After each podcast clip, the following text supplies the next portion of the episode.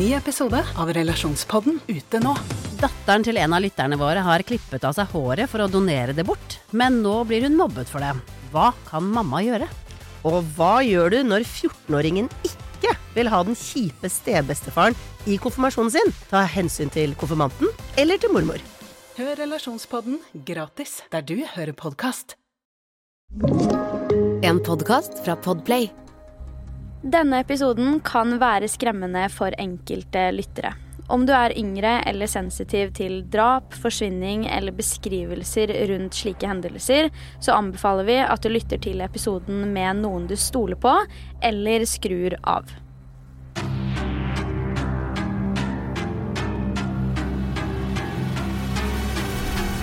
Hei og velkommen til en helt ny episode av Forsvinningsfredag podkast. I denne ukens episode skal jeg ta for meg en sak som jeg er sikker på at enkelte av dere kanskje har fått med dere dersom du har fulgt med på TikTok det siste året. Dette er nemlig saken om 18 år gamle Isabella Gussmann. Og saken hennes blåste veldig opp på TikTok etter at en video fra rettssaken plutselig dukka opp igjen. Denne saken er på mange måter ganske forstyrrende, så jeg tenker at jeg tar deg helt tilbake til begynnelsen.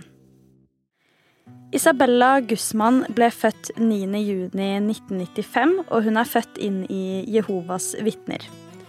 Hun bodde sammen med moren og stefaren sin i Aurora i Colorado, og hun var jevnt over en veldig normal jente. Hun skilte seg ikke noe særlig ut, hadde ikke verken de beste eller de verste karakterene på skolen, og var heller ikke den personen som prata høyest i sosiale settinger. Isabellas nære beskriver henne som en veldig lite sosial person, og forklarer at hun har vært sånn siden langt tilbake i barndommen sin. Selv forteller Isabella at hun i mange år ble misbrukt på hjemmebane, og legger vekt på at det blir verre etter at hun valgte å forlate Jehovas vitner som 14-åring. Helt fra hun var bitte liten, har hun alltid forsøkt å utfordre foreldrene sine og oppført seg både rampete og problematisk overfor dem. Da Isabella kun var syv år gammel, bestemte foreldrene hennes seg for å gjennomgå en skilsmisse. Isabella hadde aldri et særlig godt forhold til faren sin, så i sammenheng med denne prosessen så ble det helt naturlig at hun skulle bo mest hos moren sin. Til tross for at forholdet deres egentlig var ganske bra, så tok det ikke lang tid før moren gikk lei av oppførselen til Isabella og sendte henne til den biologiske faren hennes. De to som skilte seg, det var nemlig Isabellas biologiske mor og da stefaren hennes. Isabella blir boende hos faren sin en stund, men etter en periode drar hun tilbake til moren sin igjen, til tross for at de to ikke lenger hadde et særlig godt forhold. Grunnen til at hun kom tilbake, var fordi hun hadde bygget opp et ganske stort og intenst sinne overfor moren sin jo lengre hun hadde vært borte fra henne. Isabella var sint fordi moren valgte å bli i en dårlig betalt jobb, og hun var generelt veldig utakknemlig for det. Alt dette til tross for at moren tok på seg ekstravakter og jobba hardt for å kunne ha en overkommelig inntekt, slik at hun kunne gi Isabella best mulig forutsetninger i livet. Dette aspektet så ikke Isabella på noen som helst måte, og var sint for at ting var som de var.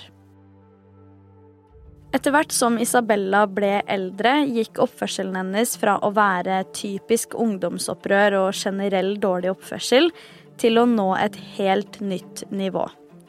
Isabella bestemte seg for å slutte å dra på skolen, og etter hvert endte hun opp med å droppe ut av videregående totalt, rett før eksamen. Det er etter hun droppet ut helt av skolen at ting virkelig skulle bli verre. Foreldrene til Isabella hata naturligvis at hun droppa ut, og det rett før eksamen.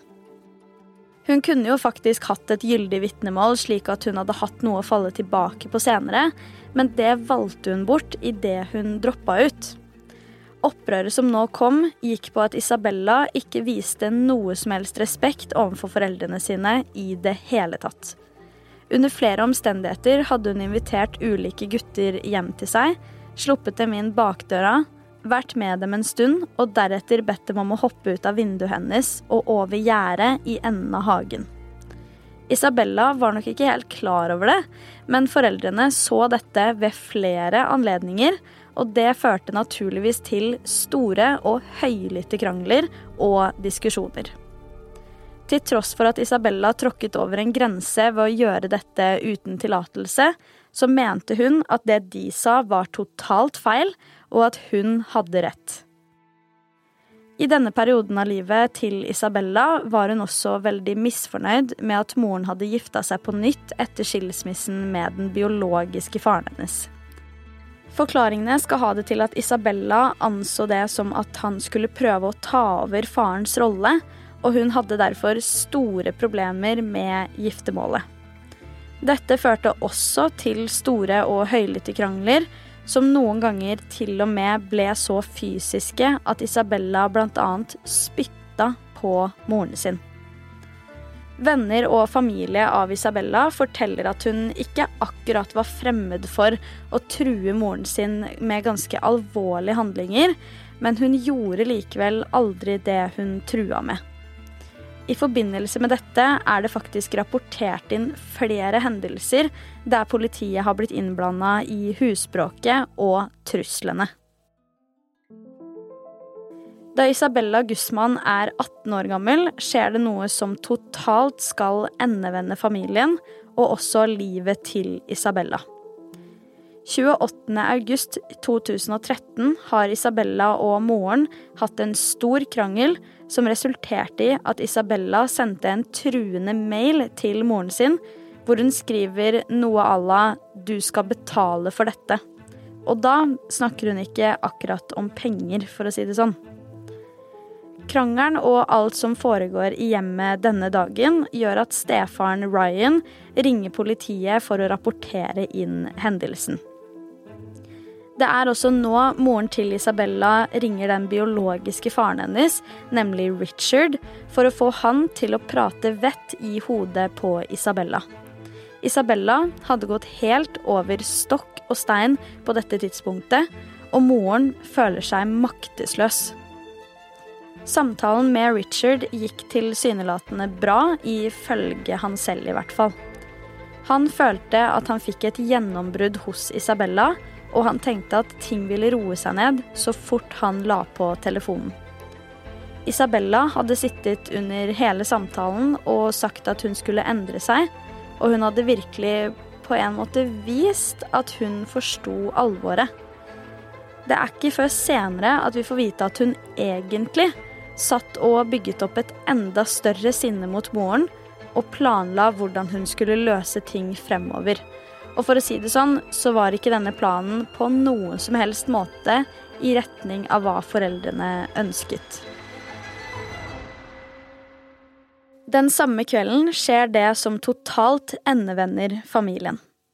Det er nemlig nå moren bestemmer seg for å ta en dusj før hun og kjæresten skal legge seg.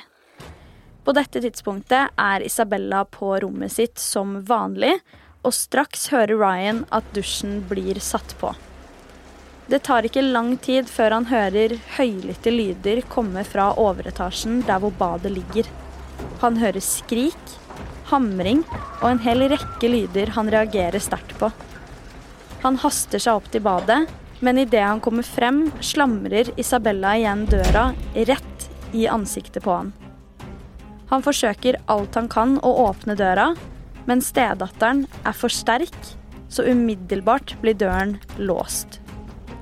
Alt Ryan nå kan gjøre, er å skrike til henne gjennom døren for at hun skal la moren være i fred, slutte med det hun gjør, og åpne døra. Dette selvfølgelig til ingen nytte.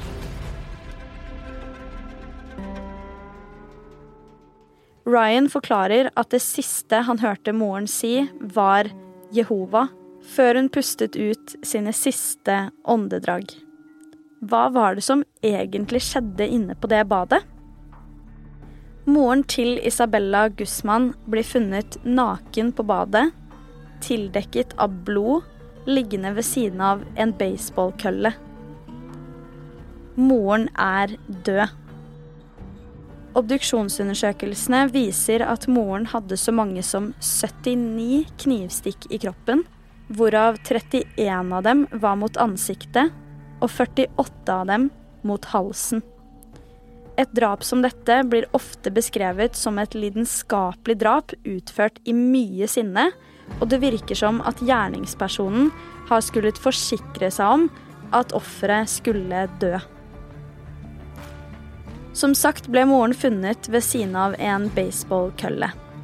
Også denne ble brukt under drapet, og obduksjonsundersøkelsene viser også at moren ble mørbanket i gjerningsøyeblikket.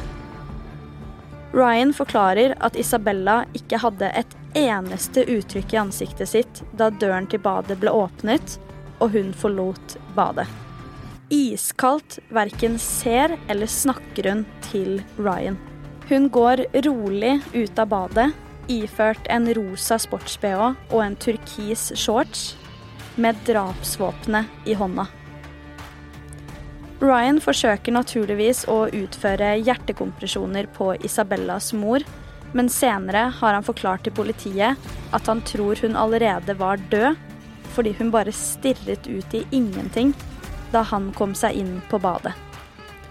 Politiet kommer til stedet etter en liten stund, men på dette tidspunktet er ikke Isabella å finne noe sted. Hun blir heller ikke funnet før dagen etter, og da er hun i en garasje like i nærheten av hjemmet. Denne saken ender aldri i en storstilt etterforskning, da det er helt åpenbart hva som har skjedd og hvem som er skyldig. Spørsmålet i denne saken ble kun hva motivet var, og hvilken dom Isabella skulle få. Det tar ikke lang tid før Isabella befinner seg i en rettssak, tiltalt for å ha drept sin egen mor. Det er jo videoene fra rettssaken som virkelig er blitt kjent. Blant annet finnes det en video der Isabella lager grimaser i retning av kamera og virker misfornøyd med at hun er filmet.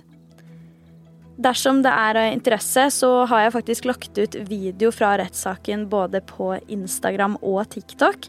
Du finner meg der under navnet Forsvinningsfredag, så sjekk ut det dersom det er av interesse. Det kommer frem underveis i rettssaken at Isabella har muligheter for å motta en dødsstraff for drapet på moren sin, og at dette skal vurderes i løpet av rettssaken og gjennom da diverse evalueringer som må bli gjort. Isabella blir nemlig tiltalt for forsettlig drap samt to tilfeller av voldskriminalitet. De er også nødt til å utføre en psykiatrisk undersøkelse av Isabella, og faktisk er det denne som i stor grad skal avgjøre hvilken straff Isabella Guzman skal ende opp med å få. Denne undersøkelsen viser at 18 år gamle Isabella ikke var tilregnelig i gjerningsøyeblikket, og derfor får hun ikke fengselsstraff. Isabella blir da dømt til tvungen psykisk helsevern på bakgrunn av hennes psykiske tilstand, og blir da sendt til Colorado Mental Health Institute. Ifølge Isabella er det imidlertid ingen dans på roser her heller, og hun kan fortelle om ganske grove hendelser som foregikk der etter at hun ble sendt dit. Isabella forteller i 2015 at hun har blitt seksuelt misbrukt av en ansatt på institusjonen inne i et klesskap på rommet. Hun forteller om totalt tre slike hendelser, som hun også endte opp med å anmelde til politiet i sin tid. Den ansatte på institusjonen fikk imidlertid aldri en sak mot seg, og saken er heller aldri blitt verken etterforsket eller behandlet av en domstol.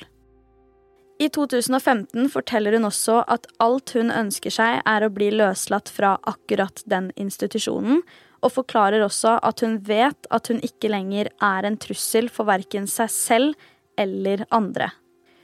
Hun mener at hun ikke var seg selv i gjerningsøyeblikket, og at om hun kunne tatt det tilbake, så hadde hun gjort det på sekundet. Du har hørt Forsyningsfredag podkast med meg, Sara Høydahl. Tusen takk for at du har lytta til episoden. Jeg er tilbake med en helt ny en allerede neste fredag. Og i mellomtiden, ta vare på deg selv, og god sommer.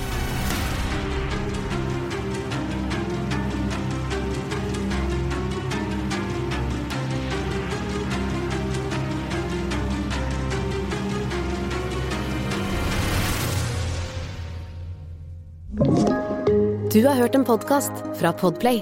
En enklere måte å høre podkast på. Last ned appen Podplay eller se podplay.no.